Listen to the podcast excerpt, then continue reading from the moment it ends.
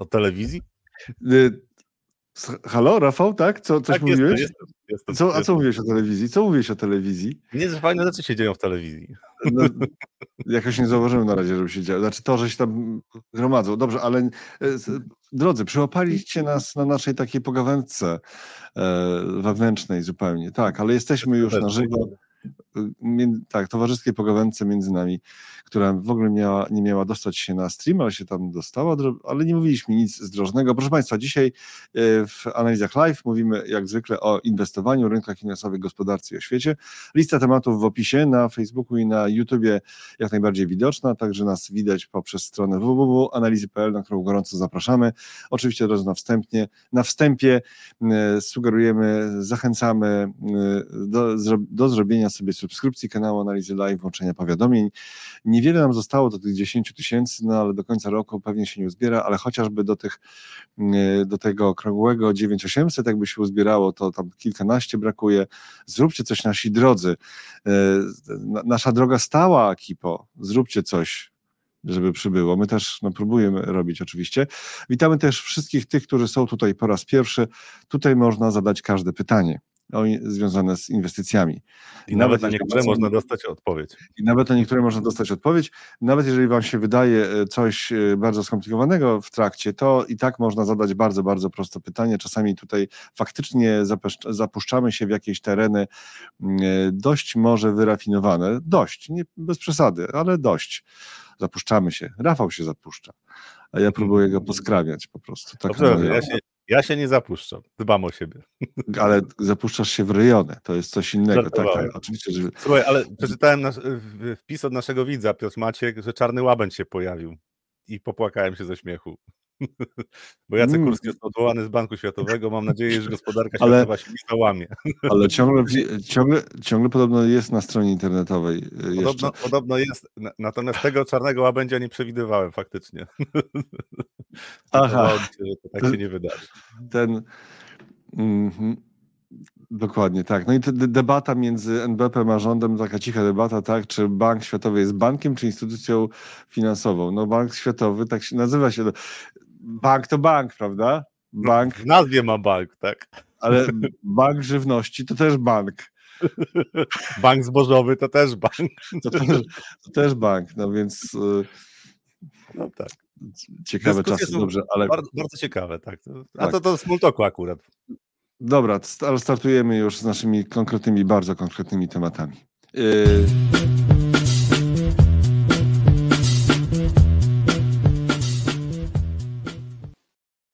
Y, przerwałem y, to bardzo ważna część wypowiedzi, to y. Przerwałem, a chciałem spytać, czy zauważyliście jakieś zmiany? Nie wiem, w komentarzach coś tam już jest, tak? O, Nirvana, Goldilock, WHP, WHP. Tak, proszę Państwa, wielkie nadzieje. O wielkich nadziejach będzie, ale zaczynamy o, o tych wielkich nadziejach od obrazka, który się nazywa WIG20.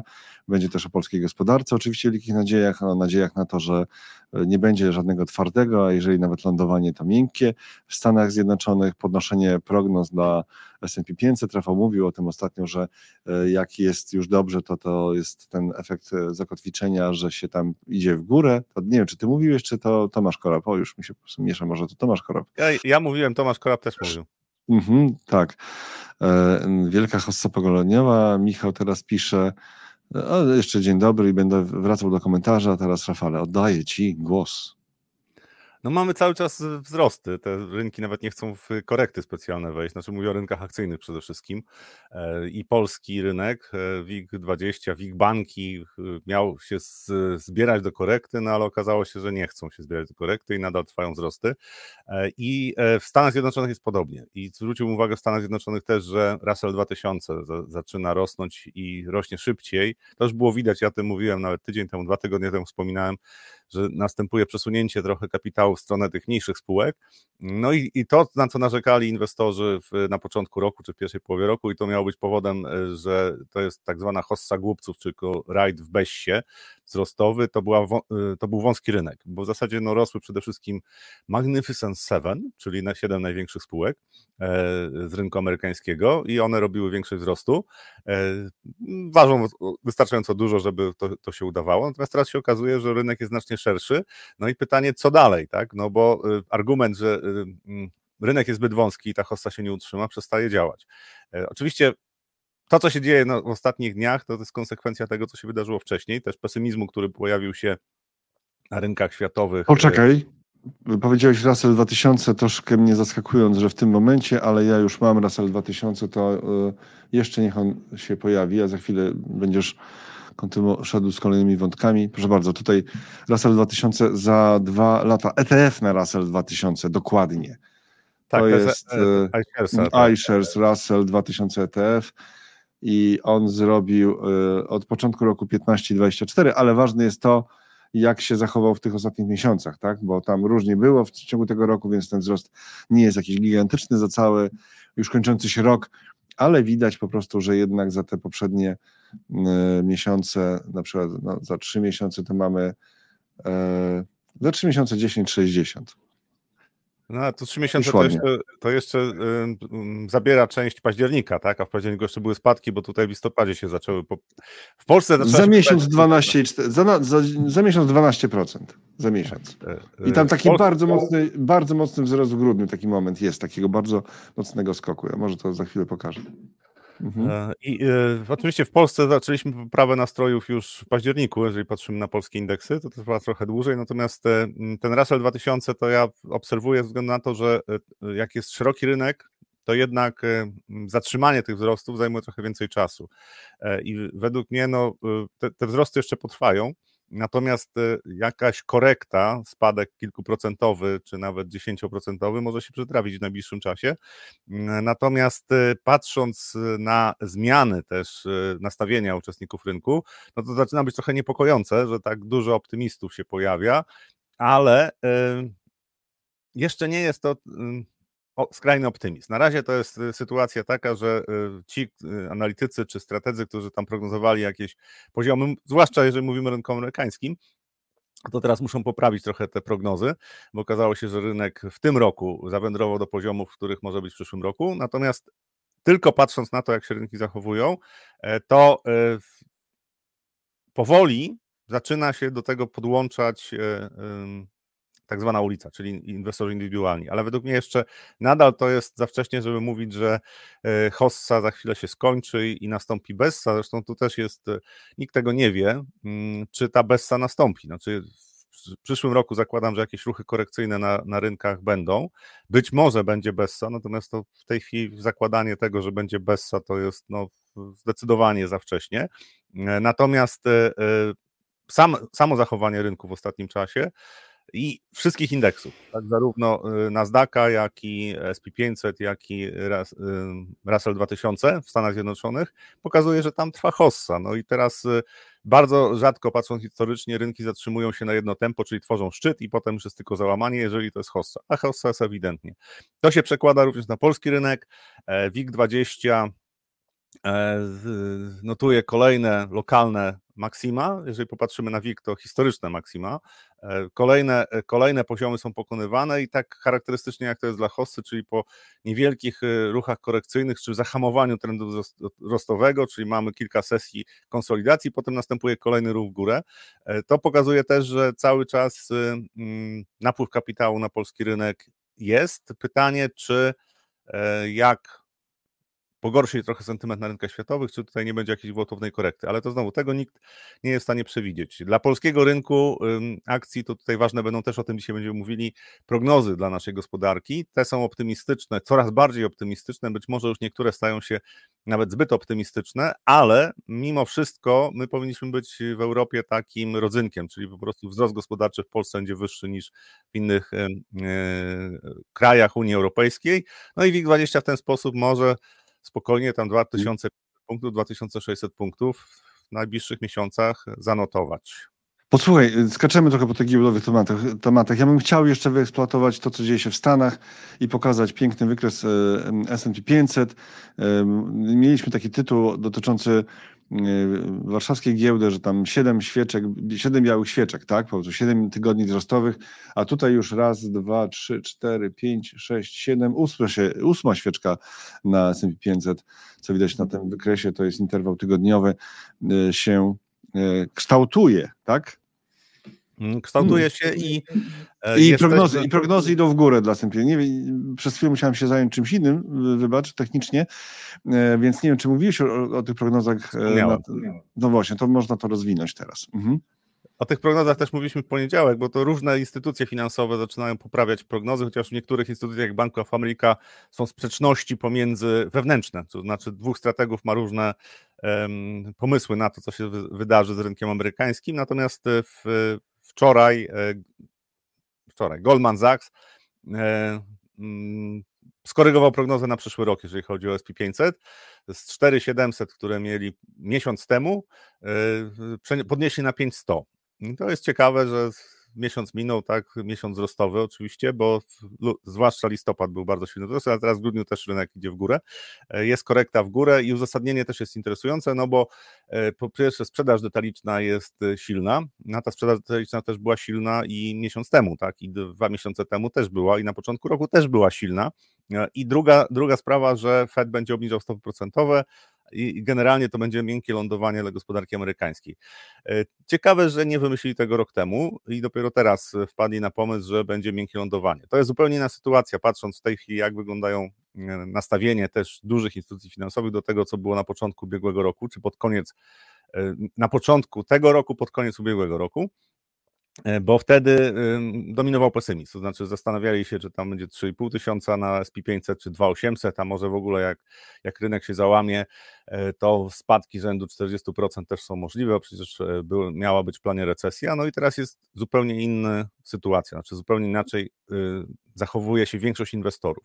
To nie oznacza, że te wzrosty na rynkach akcyjnych w Stanach Zjednoczonych muszą się zakończyć, natomiast oznacza, że jeżeli pojawią się jakieś niepokojące informacje, albo e, spółki nie dostarczą takich wyników, jak tych inwestorzy oczekują, albo okaże się, że gospodarka jest słabsza, albo okaże się, że FED nie obniża stóp procentowych, bo nie może, bo jest wyższa inflacja, e, to e, koszty finansowe dla spółek wzrosną, też konsument posiłkujący się kredytem będzie miał trudniej, bo to się nawarstwia. To nie jest tak, że podniesienie stóp procentowych i już od tego momentu, jak zostały podniesione stopy procentowe, to jest znacznie gorsza sytuacja dla wszystkich uczestników gospod życia gospodarczego. No nie, potrzeba trochę czasu i właśnie ten czas mija. Optymizm e, inwestorów rośnie, natomiast, natomiast e, patrząc na to, co zrobił Fed, no to też będziemy widzieli skutki tego i w wynikach spółek, i w e, poziomie konsumpcji. Znaczy to wysokie stopy procentowe będą odbijały się na konsumpcji. Natomiast też warto pamiętać o tym, że tam wynagrodzenia w Stanach Zjednoczonych w tej chwili rosną szybciej niż inflacja, więc może się okazać, że faktycznie ten konsument będzie miał się całkiem, całkiem dobrze i scenariusz miękkiego lądowania jest możliwy. Patrząc znowu z perspektywy tego, gdzie jest SP500, e, jesteśmy blisko szczytu wszechczasów i, i mm, no, też wydaje się, że tutaj e, jakaś realizacja zysków może się pojawić, niezbyt duża. E, natomiast inwestorzy, jak zastanawiają się nad, nad, tym, co będzie się działo w przyszłym roku, to myślę, że też będą brali pod uwagę właśnie te zmiany prognoz i te poziomy, o których Goldman Sachs mówi, czyli na przykład 5100, to jest taki poziom, o którym ja mówiłem pół roku temu i chyba dwa lata temu też mówiłem, bo mówiłem, że Hossa, jeżeli się zakończy w Stanach Zjednoczonych na SP500, e, to pierwszy taki najbardziej prawdopodobny strefa to jest pomiędzy 500 5300, ale może być więcej. Znaczy może być tak, że tam będzie i 6,5 tysiąca zanim ta hossa się zakończy, jeżeli przyjmiemy scenariusz taki, że ten trend wzrostowy będzie kontynuowany, bo są inne możliwości, że na przykład e, ja uważam, że przyszły rok będzie trochę bardziej zmienny, czyli będą takie ruchy korekcyjne nawet po 20% e, i e, pytanie z jakich poziomów oczywiście te ruchy się pojawią, natomiast to wcale nie musi oznaczać to, co się dzieje w tej chwili na rynku amerykańskim, że po tej hoście, którą mamy, że będzie gigantyczne załamanie, takie jak było w 2008 roku. To nie są scenariusze, które są oczywiste, to znaczy nie każda bessa kończy się w taki sposób. No i mm, wracając do SP500, 4800, no to myślę, że tutaj ze względu na to, że to będzie podwójny szczyt, no to tutaj trochę podaży może się pojawić, natomiast myślę, że mm, SP500 pokona ten poziom albo jeszcze w grudniu, albo na początku stycznia. No dobrze, a przy okazji S&P 500, bo musimy wyeksploatować ten temat e, dogłębnie, bo mamy tutaj e, ciekawe jeszcze zjawiska, na przykład e, te rekordowe napływy do największego ETF-a na S&P 500. E, tak, znaczy to no. są, to, to, to w ogóle w piątek dzienne napływy rekordowe, największe w historii.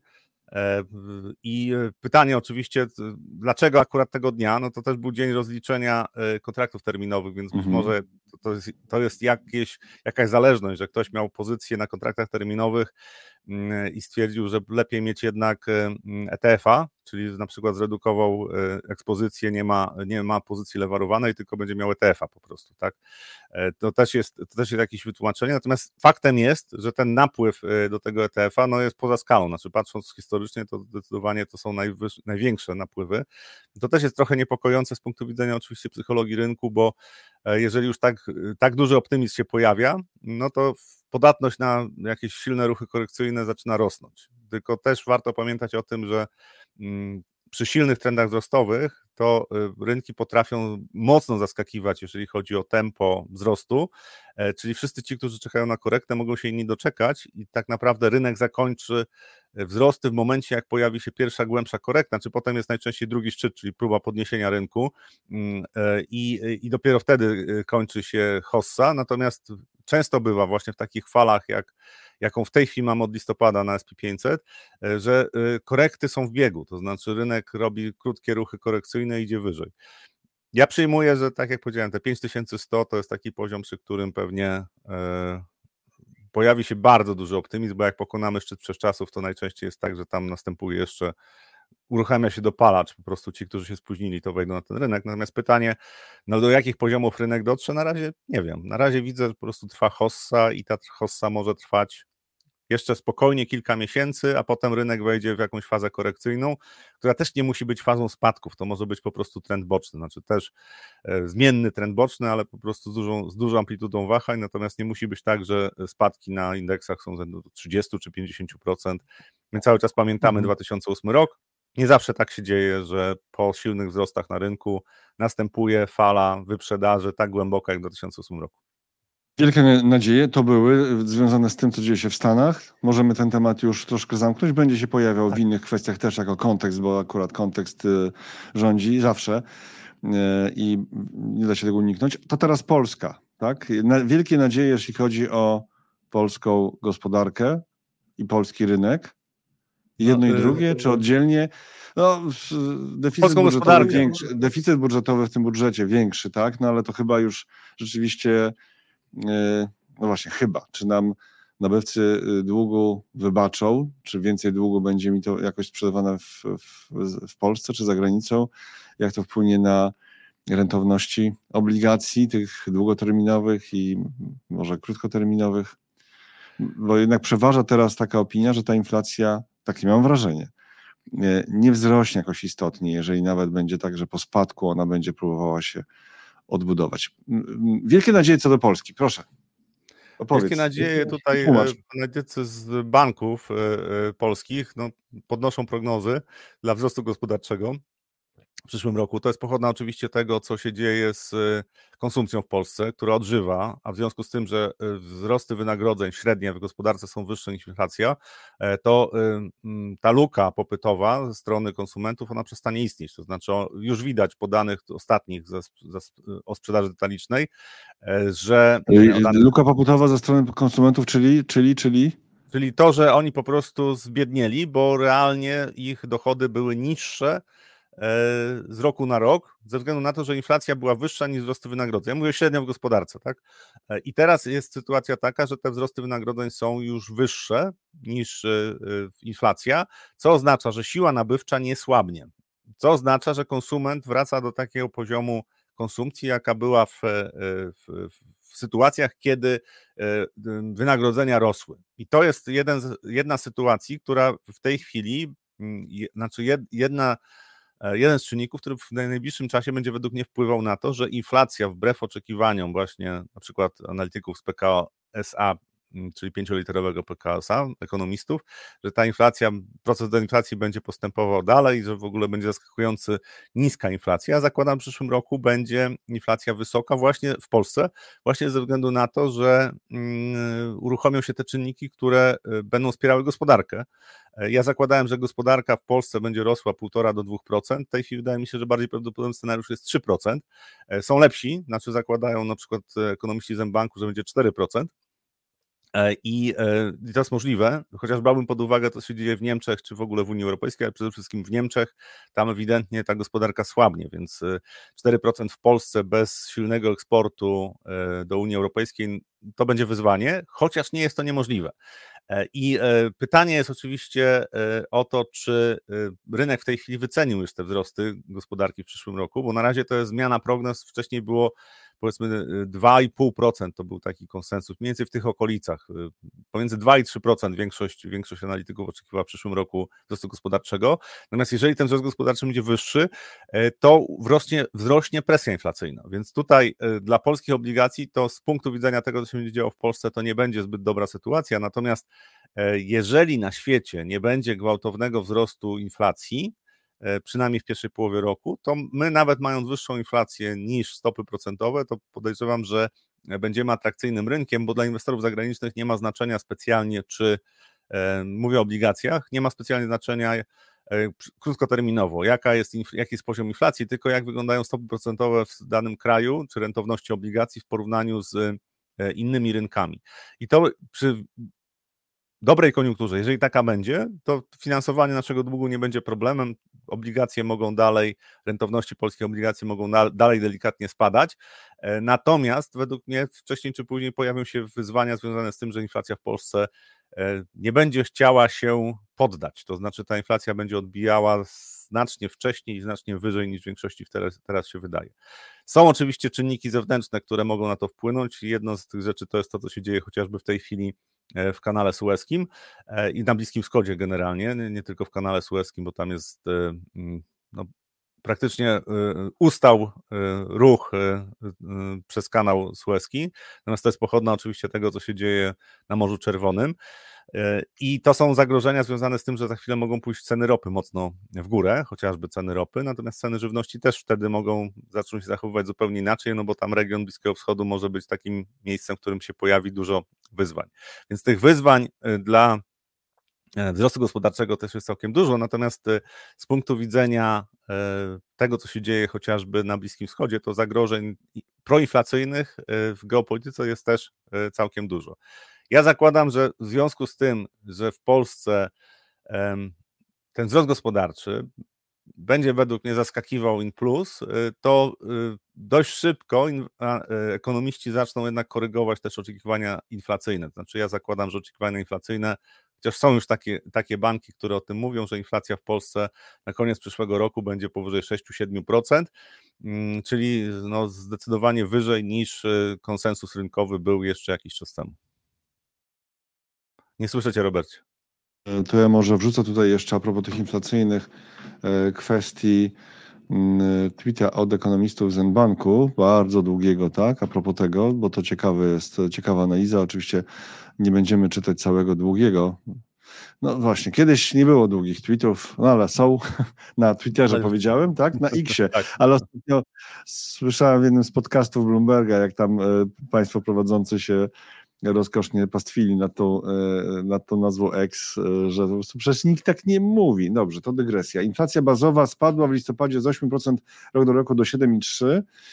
To jednak, co najciekawsze, kryje się w rozpędzie. W rozpędzie miary inflacji wygląda na to, że wygasł do poziomów obserwowanych przed 2021 rokiem, w szczególności w roku 2019. To spora zmiana in plus w porównaniu do lat 2021-2022 i początek 2023, kiedy flirtowały filtrowały się nie tylko echa cyklu, przegrzanie gospodarki, ale też zerwanie łańcuchów dostaw, zwariowany cykl zapasów, wybuch popytu na dobro trwałe i wreszcie ogromne podwyżki cen energii, to jednak wciąż poziomy spójne z inflacją bazową w okolicach 4%, 4+.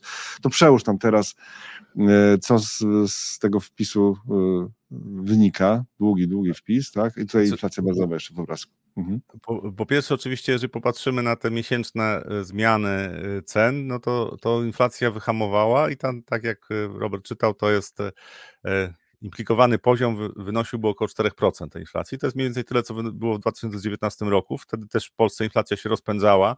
Ja mówiłem y, często o tym, że mm, bez y, lockdownów my i tak mielibyśmy inflację blisko dwucyfrowej, bo to, co robił NBP i rząd, no to było tak proinflacyjne, że no, inne scenariusze były mało prawdopodobne.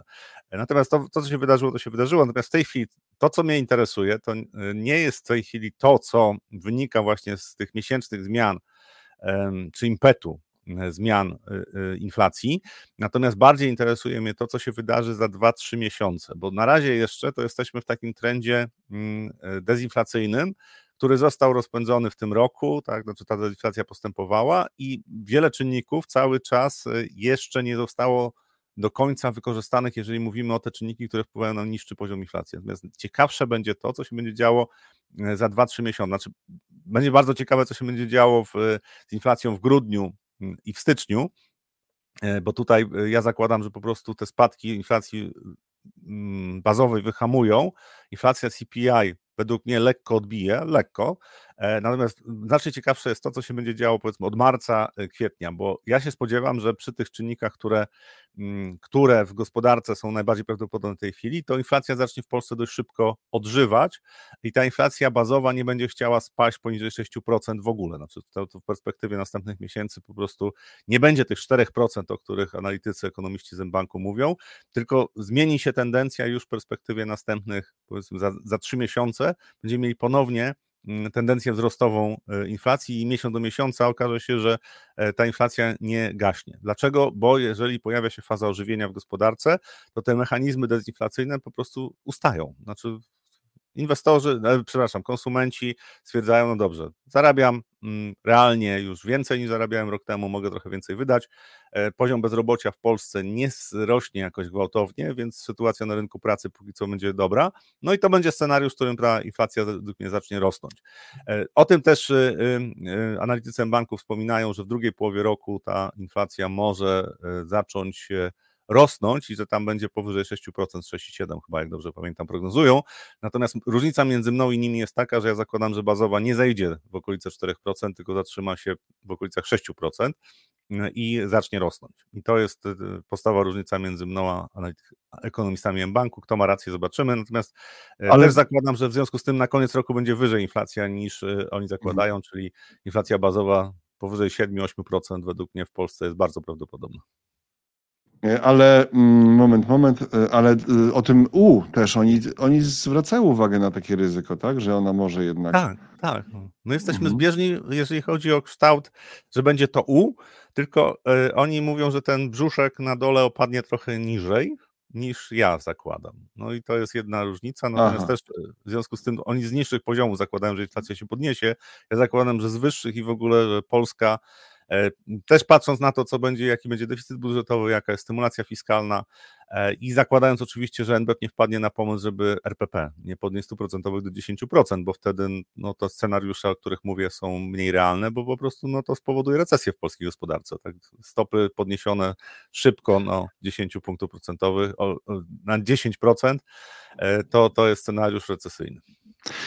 Wspomniałeś, gdzieś po drodze przeleciało z Morze Czerwone, problemy, ataki Huti na e, statki, e, do tego też ten, jakaś mobilizacja ze strony Stanów Zjednoczonych, tak? Ma być tam jakaś ochrona większa tego transportu, no ale to teraz też powiedzmy o tym trochę więcej, bo to przeleciało po prostu tak jak e, kometa przez tego live'a, więc teraz więcej o tym i o wpływie teoretycznym na ceny ropy, bo ropa słabą jest i z korzyścią oczywiście dla gospodarki i dla kierowców po prostu.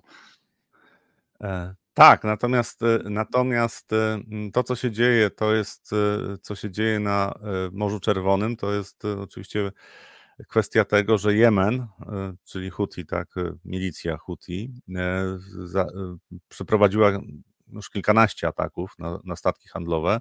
I mnie interesuje to też e, komentarze z Białego Domu się pojawiają, i mm, co zrobią Stany Zjednoczone, tak? Bo pojawiają się komentarze, w których zastanawia, znaczy rząd amerykański zastanawia się, czy nie zaatakować Jemenu.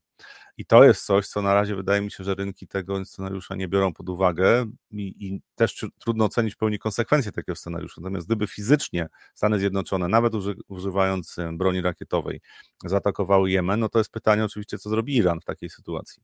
E, I czy za, e, za kilka dni nie okaże się, że Bliski Wschód jest naprawdę bardzo gorącym miejscem, nie ze względu na klimat, tylko ze względu na to, co tam się dzieje w polityce. To są rzeczy, które E, to jest środowisko, w którym żyjemy. Bardzo trudno jest prognozować e, dalsze scenariusze. Natomiast jeżeli, jeżeli ta sytuacja e, z, na Morzu Czerwonym, czyli potencjalny atak Stanów Zjednoczonych na Jemen, no to w ogóle mm, kanał Suezki jest praktycznie wyłączony, zakładam, na przynajmniej kilka miesięcy.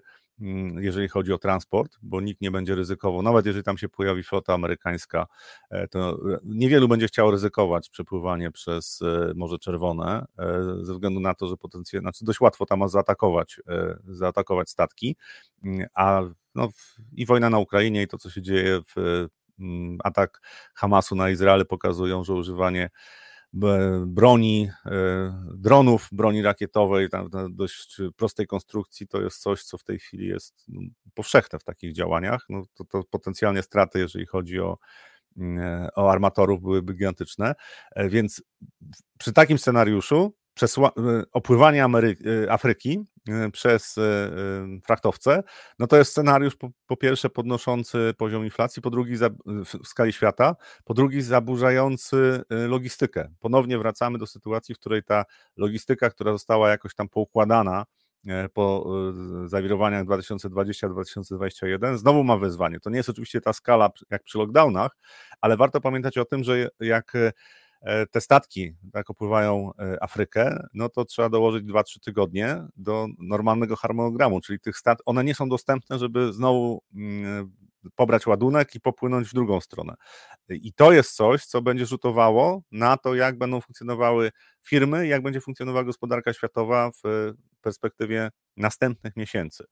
E, w, komentarze, w komentarzach, w analizach pojawiają się informacje, nie, nie zweryfikowałem tego, że jeżeli chodzi o ropę naftową przez kanał Suezki przepływa i tu w zależności od źródła, od 12 do 20% nawet, wydaje mi się, że 20% to jest za dużo, jest około 15% z tych źródeł, które ja sprawdzałem, e, dziennego zużycia ropy naftowej na świecie to 15% e, mm, surowca płynie przez kanał Suezki, no to już jest dość dużo. To znaczy, patrząc na bilans E, w przypadku ropy naftowej to jest dość dużo, natomiast tam też warto pamiętać o tym, że tam są też frachtowce, e, które przewożą inne, inne ładunki e, i składając to wszystko, no to po prostu wpływ na gospodarkę światową, pierwsze to trochę obniża tempo wzrostu gospodarczego, po drugie jest proinflacyjne, bo w tych, w tych obszarach, w których będą zaburzenia e, w handlu w związku z tym, że będą opóźnienia, to ceny pójdą w górę. Znaczy prawo popytu i podaży, zakładając, że nie ma jakiegoś załamania, jeżeli chodzi o poziom popytu, no to popyt utrzymuje się na e, podobnym poziomie, podaż jest trochę mniejsza, ze względu na to, że nie przypłynęły frachtowce, albo nie da się przewieźć towarów e, w tym samym czasie. I to jest coś, co warto brać pod uwagę, kiedy prognozujemy poziom inflacji.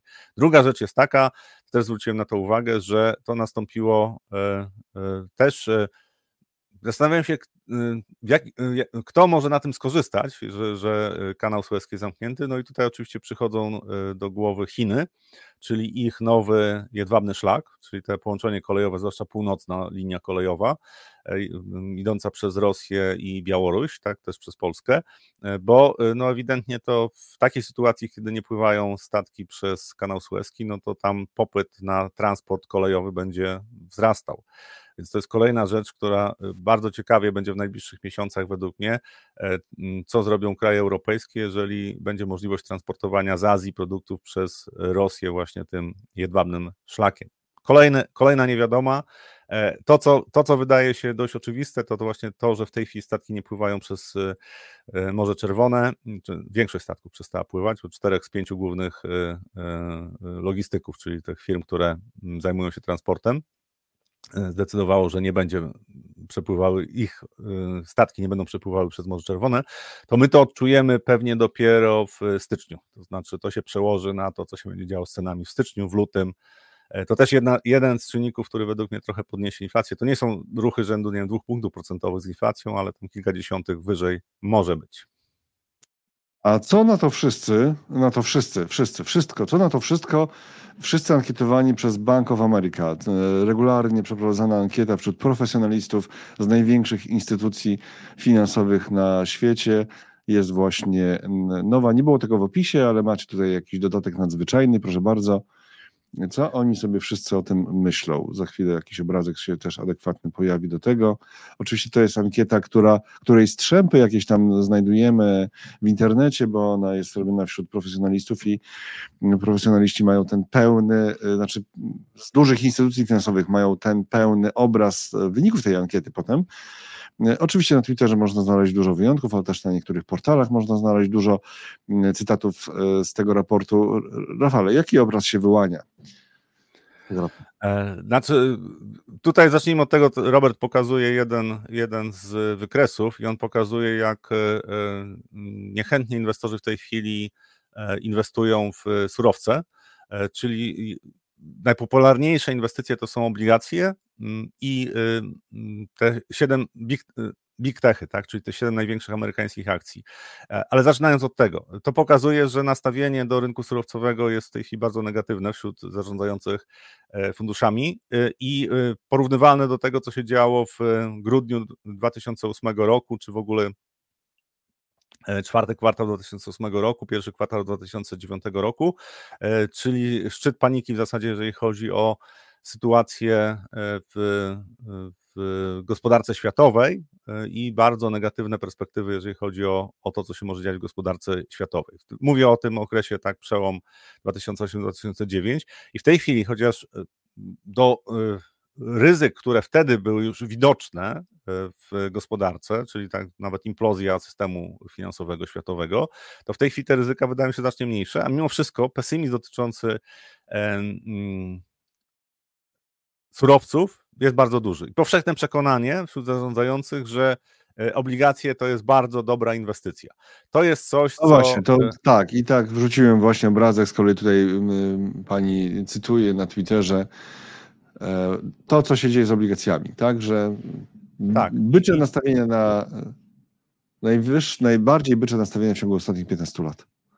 I to nie oznacza, że tutaj e, to jest błąd, że na tych obligacjach się nie zarobi, tylko prawdopodobnie zarobi się mniej niż w tej chwili ci inwestorzy zakładają, zwłaszcza jakby okazało się, że również mają błędne oczekiwania co do zachowania surowców, bo jeżeli surowce pójdą w górę, ceny surowców pójdą w górę, to wtedy te obligacje, zwłaszcza długoterminowe, nie będą dobrą inwestycją, znaczy przynajmniej nie na tyle dobrą, jak w tej chwili się wydaje, że one e, będą.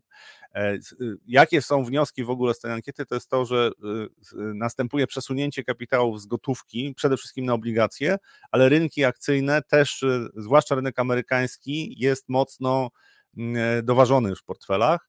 E, niechętnie inwestorzy patrzą na e, Europę i drugi najbardziej popularny, czy trzeci najbardziej popularny zakład, drugi, jeżeli chodzi o akcje, to jest e, shortowanie Chin, akcji w Chinach. I to też jest jedna z rzeczy, która jak patrzę na to, jak w tej chwili się zmienił pesymizm, znaczy jak wzrósł pesymizm do rynku chińskiego, do tego, co było w rok temu, to jeżeli tam się nie wydarzy te, żaden z tych bardzo takich czarnych scenariuszy, to może okazać się, że w najbliższych y, miesiącach Chiny będą najlepszym rynkiem na świecie. Może się okazać. Natomiast ja bym zwracał uwagę przede wszystkim na to, jak silne prze, przeważenie jest y, na rynku obligacji.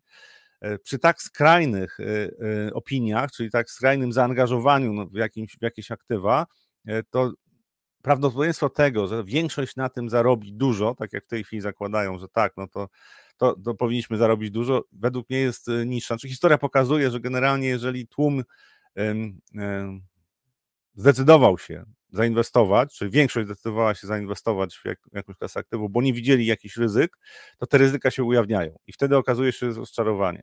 I ja bym obawiał się tego, że w e, najbliższych miesiącach, jeżeli popatrzymy na rynek obligacji, to wydarzy się coś, co spowoduje, że oczekiwania inflacyjne pójdą w górę.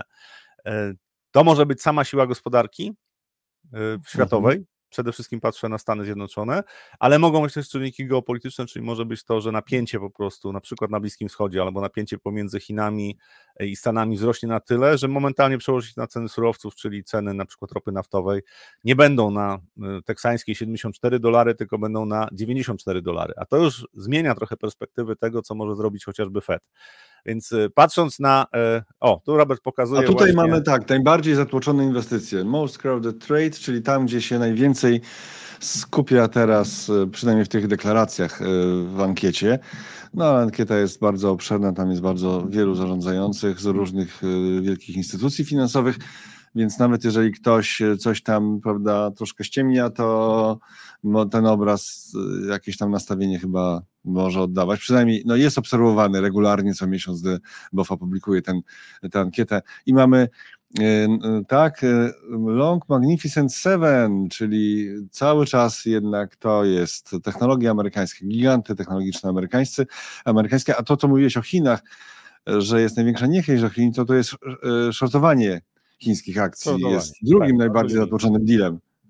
Natomiast ja, ja bym zwrócił uwagę, bo tu mamy za trzy miesiące, te, na, na górze te trzy E, belki, które się pojawiają, szara, niebieska i granatowa, e, to pokazuje, jak się zmieniało, e, jak się zmienia postrzeganie tego, hmm. tego, tego trade'u.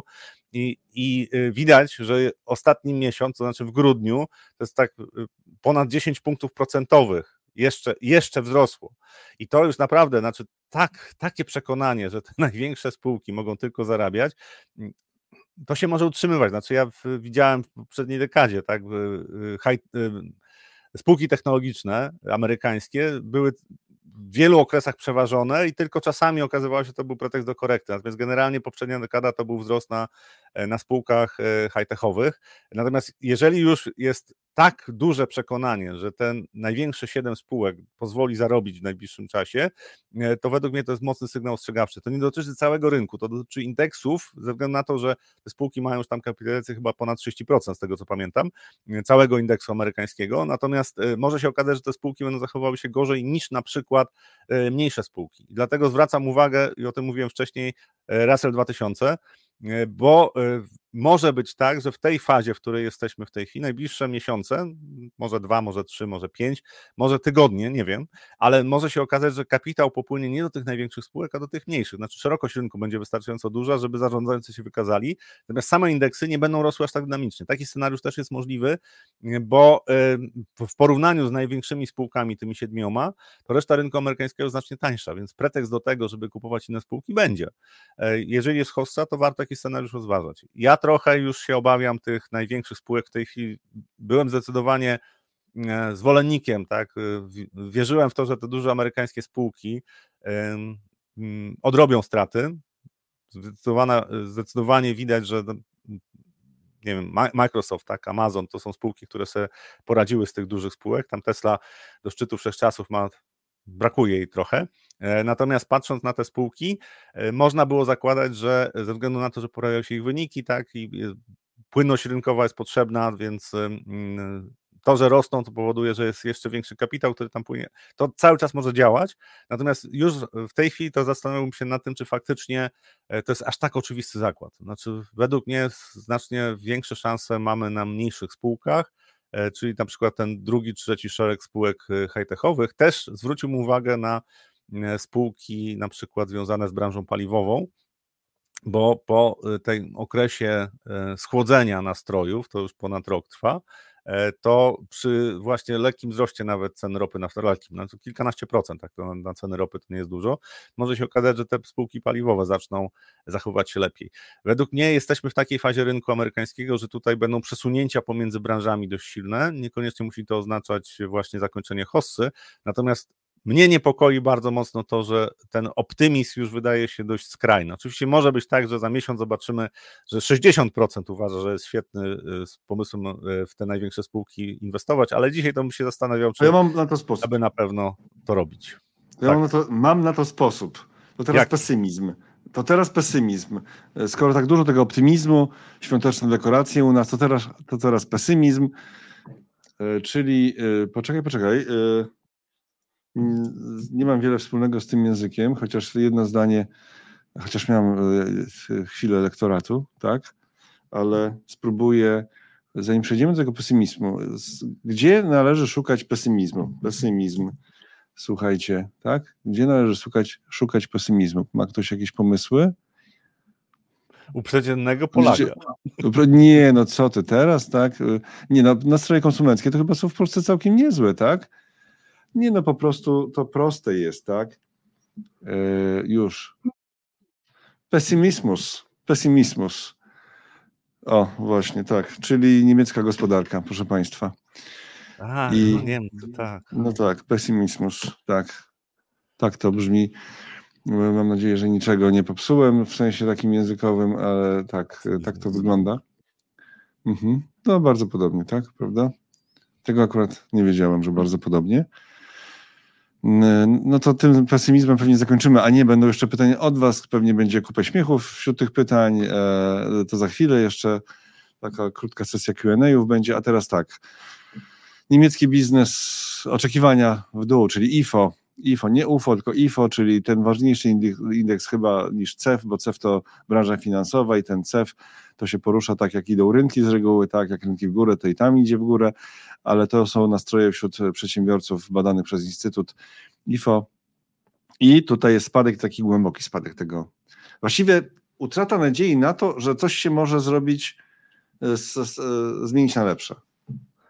E, tak, i to jest, y, ja bym zwracał uwagę na, te, e, na to, co się dzieje w gospodarce niemieckiej, też oczekiwania y, mm, przedsiębiorców w Niemczech no będą rzutowały na polską gospodarkę, zwłaszcza na eksport naszych firm. E, natomiast tutaj też y, ostatnie zawirowania z budżetem niemieckim to też jest coś, co nie poprawia tych nastrojów. Natomiast zawirowania związane z tym, że tam sąd konstytucyjny E, stwierdził, że nie można finansować pieniędzmi, które były przeznaczone na COVID i innych wydatków i nie może być w ogóle pozabudżetowego sposobu finansowania wydatków e, rządowych. E, no i, i rząd musiał tak przeformułować budżet na przyszły rok. Generalnie wnioski są takie, że może zabraknąć trochę pieniędzy na ożywienie gospodarki. I to pewnie jeszcze pogorszyło ten sentyment, stąd ten odczyt przedsiębiorców, bo do nich te informacje docierają.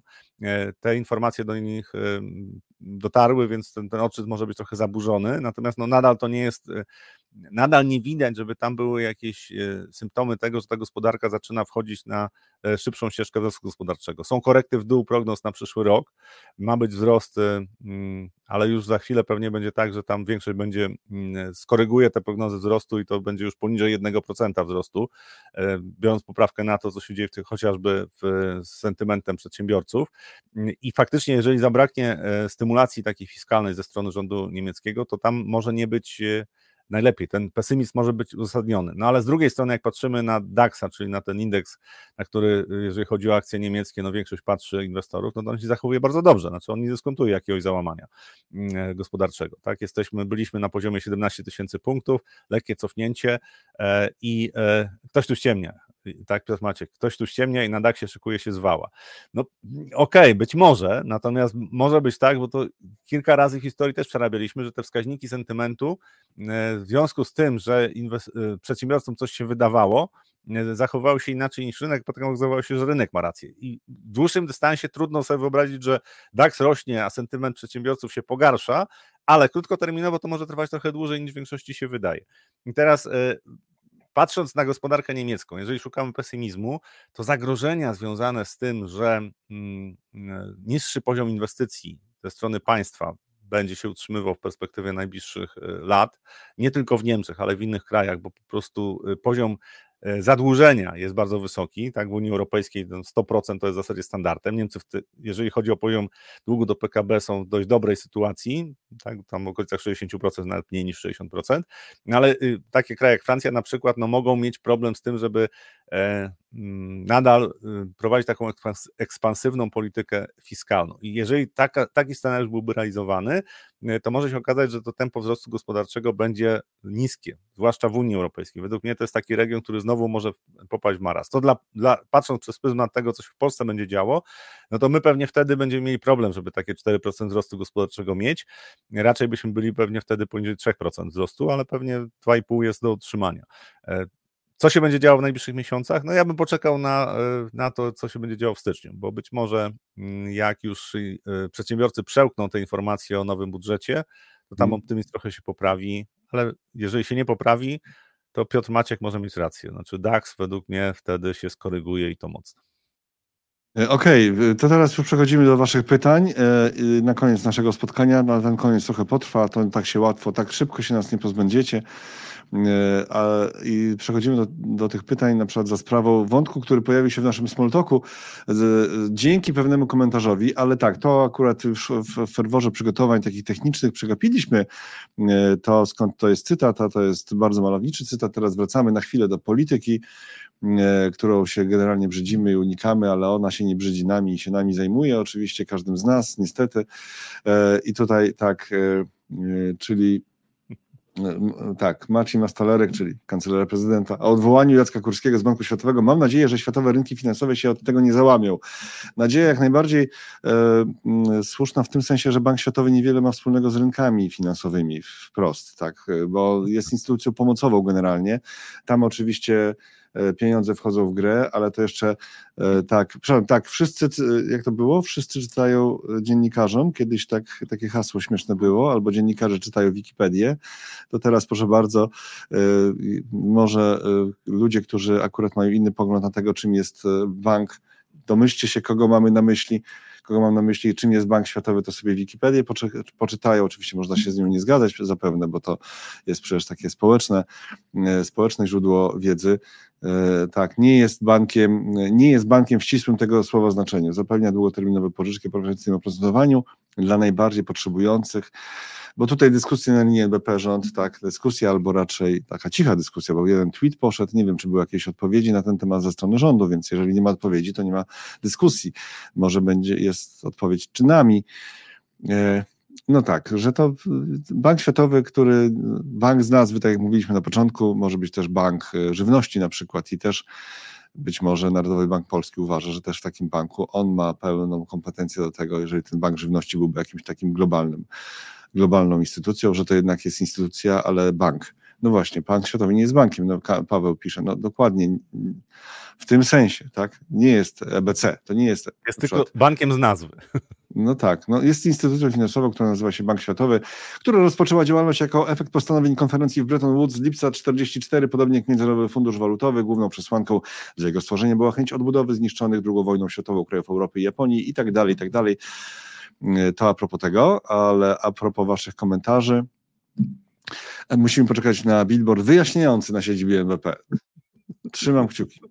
A teraz tak, e, do komentarzy, do komentarzy, do komentarzy, było ich bardzo dużo. Rafał, nie na każdy musisz e, komentować przez 15 minut na przykład, a tutaj był ten e, komentarz, Piotr Maciek pisał, Czarny Łabędź że się pojawił, to tak, o tym sobie mówiliśmy na samym początku.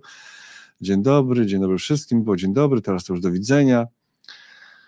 E, e, mm. Aha, aha, może małe podsumowanie prywatnych portfeli inwestycyjnych prowadzących. Dobry rok.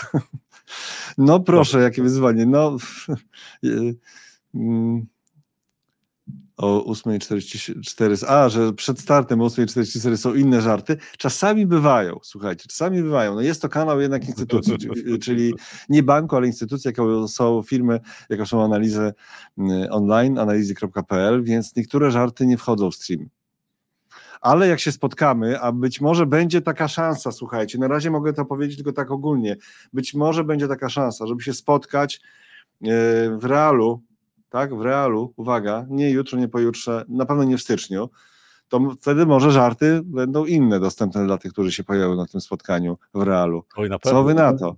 Co wy na to? Na razie wstępnie pytam, co wy na spotkanie w realu yy, na wypasie ja wtedy no, kawałek no, się przy kawie może jakieś herbatniki do tej kawy się znajdą. Dobrze, idziemy dalej.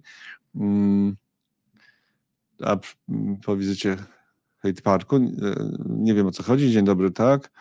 To Nirvana, Goldilock, e, to a propos pytań o, o tym, co się dzieje na rynku, tak, Goldilock e, Economics to, Economic to gdzieś tam się czasami pojawiała taka nadzieja, że może już taka złotowłosa przyjdzie.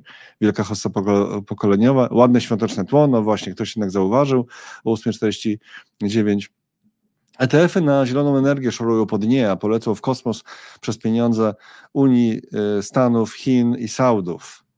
No ciekawy y, wątek, bo może skoro szorują po dnie, bo rzeczywiście te branże zielone, te inwestycje zielone w ETF-ach czy w funduszach indek, takich funduszach, które zajmują się tym sektorem, to tak słabo wyglądają, prawda? Ostatnio. Rafał nie jest wielkim fanem, tak? No nie, nie, ja nie jestem. Dobrze. Czy nie usuwa się niechcianych pytań?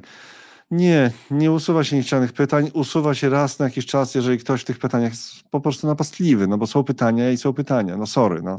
E, po co nam napastliwe pytania na e, czacie? No wybaczcie, to każdy chyba ma prawo do tego, żeby sprzątać takie rzeczy. E, usuwa się napastliwe pytania, bo jeżeli ktoś merytorycznie pyta, to się tego nie usuwa. Dzień dobry, dzień dobry Państwu. Grzegorz, dzień dobry. Mm, Dow Jones ATH, S&P 500 dziś. O, to... no, dziś to nie wiem. Co? Mhm. Natomiast no, czy dziś, czy Ale mów, ktoś ci tutaj pisał, że, że tygodni to będzie. No, ale ktoś mówił, ktoś ci tam przypominał, że mówiłeś, że do końca roku może być. Może być. Może, może, natomiast to jest, no to jest nie do przewidzenia według mnie. Mhm. Bardziej mnie interesują te poziomy, które może osiągnąć faktycznie. Iwona, Iwona napisała przed dziewiątą dzień dobry, tak, pozdrawiamy. E, takie trendy wzrostowe trwają czasami kilka lat. W 2022 była dopiero Bessa. No to jest w ogóle dylemat taki większy, bo to jest pytanie, czy ta Bessa w 2022 roku to była taka Bessa faktycznie cykliczna, czy była po prostu e, Bessa odchorowanie tego, co się wydarzyło z e, helikoptermany tak naprawdę 2020-2021. Mm, bo to nie był taki, taki standardowy cykl gospodarczy. Znaczy ja zakładam, że y, jeszcze parę niespodzianek będzie. Znaczy gospodarki po prostu cały czas jeszcze nie w pełni wróciły do takiego standardowego rytmu, y, który został zaburzony przez polityków. Więc czy była to Bessa mhm. taka 2022 faktycznie pełna, to nie wiem, nie wiem. Okej. Okay. Doktor Szum pisał, mamy optymistów, ale bez akcji jeszcze. Aha, że ten nadmierny optymizm nie należy jeszcze przesadzać z tym nadmiernym, bo nie chcę iść w tym kierunku, żeby powiedzieć, to co, jeszcze musimy ubrać trochę ludzi, tak? W te akcje, tak? Tak? Tak może być. Znaczy tutaj ten, to nie jest skrajny optymizm. Nie, żeby ktoś nie zrozumiał, że ja tu nawołuję do tego branży do ubierania w akcje. To jest strasznie e, negatywne określenie, prawda? Bo faktycznie na pewnym etapie, pamiętamy to, niektórzy pamiętają e, z czasów 2007, na, na, na pewnym etapie odbywa się już ubieranie, ale w tym sezonie, w tej hoście nie będzie, jak sądzę, reklam na autobusach, które pokazują na przykład zanalizowaną stopę zwrotu funduszu akcyjnego małych, e, małych spółek na podstawie krótkiego okresu 30 paru dni na przykład, bo był super i potem ktoś to rozciąga na cały rok i taką reklamę, bo były takie reklamy wtedy. Teraz tego nie będzie. Jest MIFID, który ogranicza mocno jednak wchodzenie w akcje, bo to jest taki problem, że jak nie masz doświadczenia w akcjach, no to trochę ci nie może doradca zaproponować w ogóle, nie może z tobą o tym rozmawiać. No. Takie paradoksy, tak? Więc tu jest też takie ryzyko, że faktycznie niektórzy dopiero e, wejdą na samym końcu, bo przecież do tej pory nikt im nie mógł zaproponować akcji. Nikt nie mógł im zaproponować akcji w październiku 2022, prawda? No nie, no skoro nie mieli, e, skoro nie mieli doświadczeń akcyjnych, no to nie mogą. E, okej, okay, dalej idziemy. E, Hossa jest od października 22, właśnie, tak? No okej, okay. ale ulica zauważyła teraz. Czy ulica zauważyła teraz? Wydaje no ja mi się, że jeszcze nie. Znaczy, no ja nie wiem, czy ulica Patrząc zauważyła chociażby teraz. po napływach do funduszy, też komentarzach, no to tak, część inwestorów y, zauważyła, natomiast tak, żeby to e, tłumnie y, dostrzegli, że, że, że na giełdzie jest Hossa, to wydaje mi się, że jeszcze nie. Że to, to oczywiście jest grupa ludzi, która jest na tych rynkach i, i to widzi, natomiast y, no większość jednak chyba nie. To, to, I oby nie popełniali tego błędu, że zobaczą to. Tak? To taka może czcze nadzieję, taki, taka naiwność, że może jednak e, tym razem już wiedzą dywersyfikacja, systematyczność, tak, wchodzenie e, jednak nie całą masą kapitału, jeżeli ktoś ma taką masę kapitału w jednym momencie, no nie wiem, może teraz jest inaczej a i nie tylko w jeden fundusz jakiś tam wybrany, który miał e, stopy zwrotu petarda. Podobno ludzie teraz kupują strasznie e, dług, tak? To Tomasz Korab wczoraj, a nie, Tomasz Korab po tym e, powie, powie dopiero, bo właśnie nagrywaliśmy materiał na między świętami a Nowym Rokiem. Będzie ten materiał, słuchajcie, to tylko powiem, że Tomasz Korab wystąpi ze swoimi prognozami na 2024 rok, już niebawem, w najbliższych dniach, już jest materiał zarejestrowany i tam właśnie mówi o tym, tylko tyle zdradzę, że E, ludzie pędzą do długu i to jest e, przestroga też w tym generalnie optymistycznym zestawie prognoz. E, dalej. Likwidacja podatku belki może tylko przyspieszyć hossę na WIG-u. Nie wierzę w to. Nie wierzę, że ludzie nie inwestują dlatego, że jest podatek belki. No sorry, no, nie, nie dlatego. Ja to, to w ogóle nie, oczywiście e, inwestorzy już tacy zaprawieni narzekają na to, że to im zabiera, ale podatek od zysków kapitałowych jest w wielu krajach i nie no sorry, no to nie jest powód, dla którego ludzie nie inwestują. Nikt nie myśli o tym, a nie pójdę, jest hossa, ale nie zainwestuję na dołku w październiku 2022 i nie zarobię tych 40% w rok, czy 30 paru, bo i tak mi z tego, potem z tego zysku y, trochę uszczkną podatkiem belki. Tak? Naprawdę? To dlatego? No nie, to nie jest. Y, hossa rodzi się w panice, umiera w euforii, tak? Święte słowa. E, Jacek, czy warto w DAX-ach? Historycznie dołe koniunktury to dobry czas. Plus mocny złoty, mocna złotówka, tutaj Jacek i słabsze euro. No to ciekawe pytanie, z, prawda? Z DAX-em to jest pytanie w ogóle, w jakim stopniu gospodarka niemiecka e, jest odzwierciedlona przez DAX-a. Znaczy to, co się dzieje w gospodarce niemieckiej i problemy firm, które tam e, są i będą, no to były wskazaniem, żeby jednak w niemieckie firmy nie inwestować, ale okazuje się, że to, co się wydarzyło wcześniej w ogóle, jeżeli chodzi o, Niemie Europę, o, o e, też niemiecką giełdę, czyli to dyskonto bardzo duże w stosunku do rynku amerykańskiego, to teraz jak poprawił się sentyment na rynkach światowych, to inwestorzy po prostu inwestują, no bo Niemcy są największą gospodarką europejską i no, wypada mieć coś w mhm. portfelu tych europejskich mhm. akcji, więc mhm. e, trochę, trochę jest tak, że ten DAX odstaje od tego, co się dzieje w gospodarce i nawet nie chodzi o to, co w tej chwili się dzieje w gospodarce niemieckiej, tylko to, co się prawdopodobnie będzie działo w najbliższym czasie w gospodarce niemieckiej. Tutaj to mhm. uzasadnienie mhm. tych wzrostów jest według mnie słabsze niż na przykład WIG20 czy WIG. E, ale za chwilę będzie też ciekawy komentarz od e, Tomka Narkuna. Jeżeli jeszcze z nami jesteś, Tomek, to pozdrawiamy gorąco. Dziękuję, że wpadłeś. Pokażę ten komentarz za chwilę. Teraz idę chronologicznie właśnie e, o tym aspekcie niemieckim. Mm, e, tu jeszcze tak, czy Rafał wierzy w DAX, ale to już zostawiamy na razie. Paweł pisze, jak Pucybut namawia cię na akcję, to uciekaj. Teza z 1929. Okej, okay. Pucybut. Czy ten pan w Galerii Mokotów w Warszawie, e, który uczynił z tego e, zajęcia sztukę, bo nie wiem, czy wiesz, Rafał, nie wiem, czy widziałeś tam Widziałem. kiedyś nawet, kiedyś nawet tak, gdzieś chyba coś robiliśmy z, z nim, jakąś rozmowę jeszcze w czasach telewizyjnych. Nie wiem, bo nie, od paru lat nie mam po drodze akurat do Galerii Mokotów, ale to nawet specjalnie się wybiorę, chyba dam coś e, wypucować na stopie, żeby, żeby, żeby usłyszeć, czy on mówi coś o, e, o akcjach, bo innego nie znam. Jeżeli ktoś wie, gdzie jeszcze stacjonują jacyś, jakieś osoby zajmujące się E, tą czynnością, e, bo nie wiem, czy to można nawet zawodem, albo że mają taką pasję, bo może to może być pasją, to dajcie znać gdzie, gdzie można ich szukać, żeby się dowiedzieć, żeby znaleźć rekomendacje albo antywskaźnik znaleźć. Rafał Skrzypczyk, witamy Rafała Skrzypczyka. Dzień dobry, déjà vu, déjà vu, déjà vu 2009-2010 rośniemy, rośniemy i jeszcze urośniemy, aż rynek uzna, że czas zrobić głębszą korektę, przejmując się długiem państw, ale na to jeszcze poczekamy. Ale Rafał e, pisze o tym, że rynek zdecyduje się zrobić głębszą korektę. Nawet nie używa słowa tak, bessa. Tak, Pozdrawiamy pana mecenasa, dziękujemy. 2009-2010 e, to było wyjście z kryzysu, więc tam wyceny spółek były też nieporównywalnie niższe niż w tej chwili. Znaczy, mówię o Stanach przede wszystkim.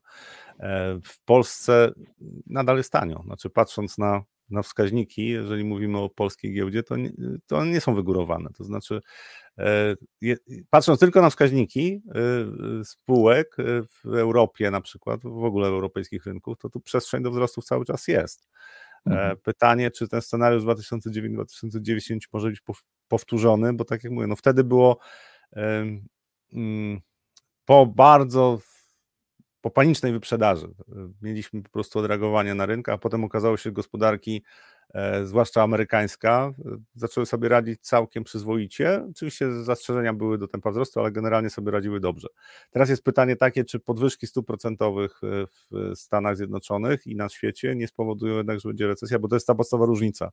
2009 mieliśmy, byliśmy po obniżkach stóp procentowych, teraz jesteśmy po podwyżkach stóp procentowych, więc ja zakładam, że tutaj spokojnie to nie będzie na rynkach, natomiast też wielkiej bessy bym się nie spodziewał. Czy będzie wielka okay. hossa, to mm. już jest zupełnie inna kwestia. Y, I dalej tutaj było a propos tego e, pucy buta, tutaj jest ten wątek albo sąsiad. E, ale tutaj złota zasada nie, nie prognozuje. Kupuję co tydzień za 500. No i tak, rzeczywiście można by powtarzać to zamiast wszystkiego, co tutaj mówimy być może. Ha, ha, ha. E, takie podcinanie, takie kalanie, podcinanie gałęzi, z której własne gniazdo kalam, tak? W tym momencie uczyniłem. Rafał tak wierzy w Daxa, że od zawsze mówi, że Europa na śmietnik i że komunizm jest czy coś w ten deseń. E, na indeksach kończymy piątą falę wzrostową od e, października 2022, no i teraz przychodzi ulica, więc to dobry moment na znak zapytania. Krótko, Rafał. Piąta fala wzrostowa pytanie, brzmi groźnie. Tak, tylko, piąta fala, to pytanie, kiedy się piąta fala skończy, jeżeli to jest w ogóle piąta fala, bo można sobie narysować, że to jest trzecia fala, e, albo inaczej piąta fala w trzeciej fali wzrostowej. To też można rozrysować, więc y, to jest teoria Eliota dla osób, które, które się tym mm. nie, nie pasjonują. Nie rozwijajmy już bardziej. Mhm. Tak, jak, tak? ja kiedyś to no. analizowałem, po prostu to jest y, teoria, która jest całkowicie subiektywna. Znaczy tam nie ma mm. twardych założeń, które mówią, że rynek w danym momencie może zrobić tylko jeden ruch, bo zawsze można narysować inny scenariusz. I tutaj nikt nie wie, jak będzie wyglądał ten wzrost, ile, ile fa- podfal będzie miał. Tak? E, Timber Crow pisze, fryzjer wczoraj mi powiedział, że w Daxa nie. No A. właśnie, to może być tak, tak. To, ile, to ile te rynki muszą wzrosnąć, żeby fryzjer powiedział, że tak?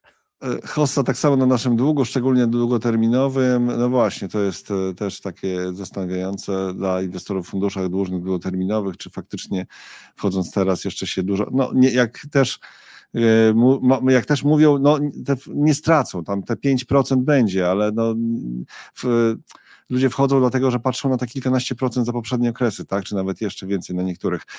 E, I dalej tutaj Pawełka do mm, Jacek, do Pawła za 500 plus, te 500, 500 plus akurat na e, rody. Co to ROD? No, czyli te obligacje, tak? Rodzinne obligacje nie pamiętam w tym momencie, sorry, nie siedzimy w tych skarbówkach tak mocno, no ale to są te obligacje, które można właśnie pieniądze tak. z 500 plus można tak, tak, no, no właśnie. Mm, to widać, że też e, no, ja nie pobieram. już nie pobieram. Już nie pobieram, tak, dokładnie. Nie, może nie wyglądam, ale już nie pobieram, ale pobierałem. E, I też szło gdzieś tam. A wiecie, że e, Trumpa zbanowali z prawyborów w Colorado. Jeśli tego nie odkręci, to nie będzie prezydentem raczej. To inny temat, na inną okazję. Mm, e, I tak dalej. Słuchajcie, dużo różnych komentarzy. Jeszcze obiecałem, że ten no, Tomka Narkuna.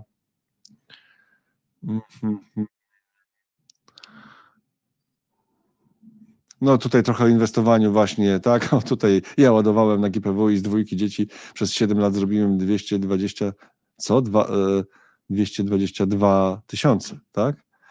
Obligacje ile dały? No nie wiem. E, Grażyna, e, dzień dobry. Na ETF-a jednego dnia wpłynęło cztery razy tyle kasy, co całe PPK zbierało od początku programu. To chodziło chyba o tego ETF-a na S&P 500, tak? Dobrze, tak. ale PPK rośnie.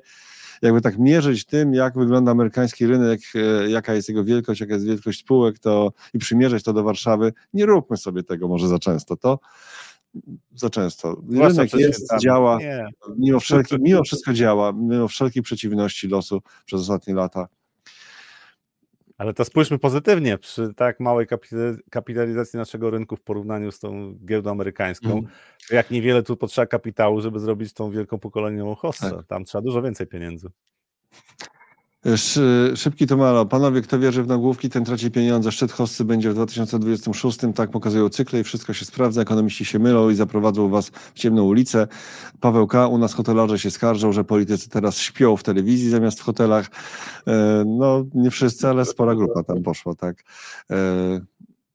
E, tutaj jeszcze Paweł Agro, mam na NN obligacje, a to już konkretne fundusze, to możecie sobie poczytać.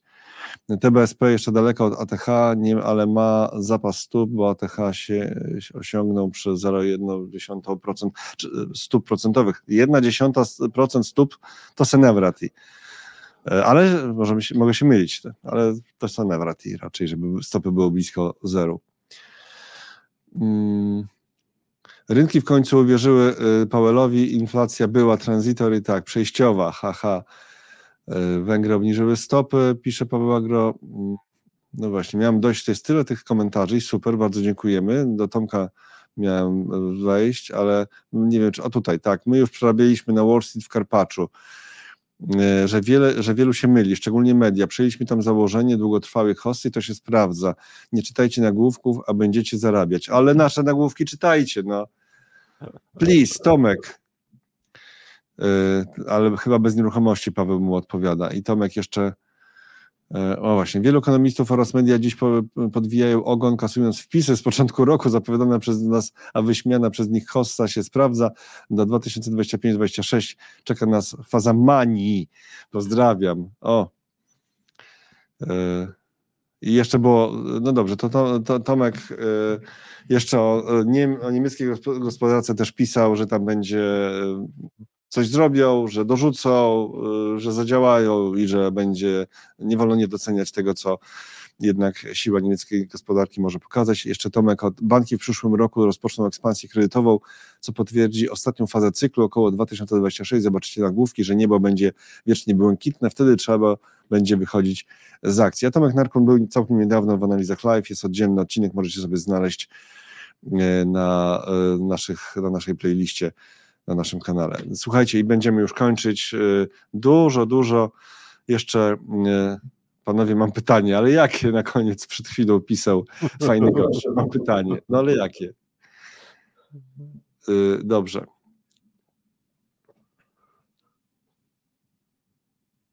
Pan Robert już nie, złotówki nie przyjmuje. Jesteśmy e, tradycjonalistami, na, zło, na polską walutę mówimy polski złoty, ale jak w komentarzu jest napisane e, złotówka, no to co będę robił? No będę kogoś korygował, tak wprost za każdym razem. No już nie można być takim e, aż tak ortodoksyjnym i tak niemiłym dla naszych wspaniałych widzów, e, oglądaczy, widzek, oglądaczek i tych, którzy piszą show komentarze przede wszystkim.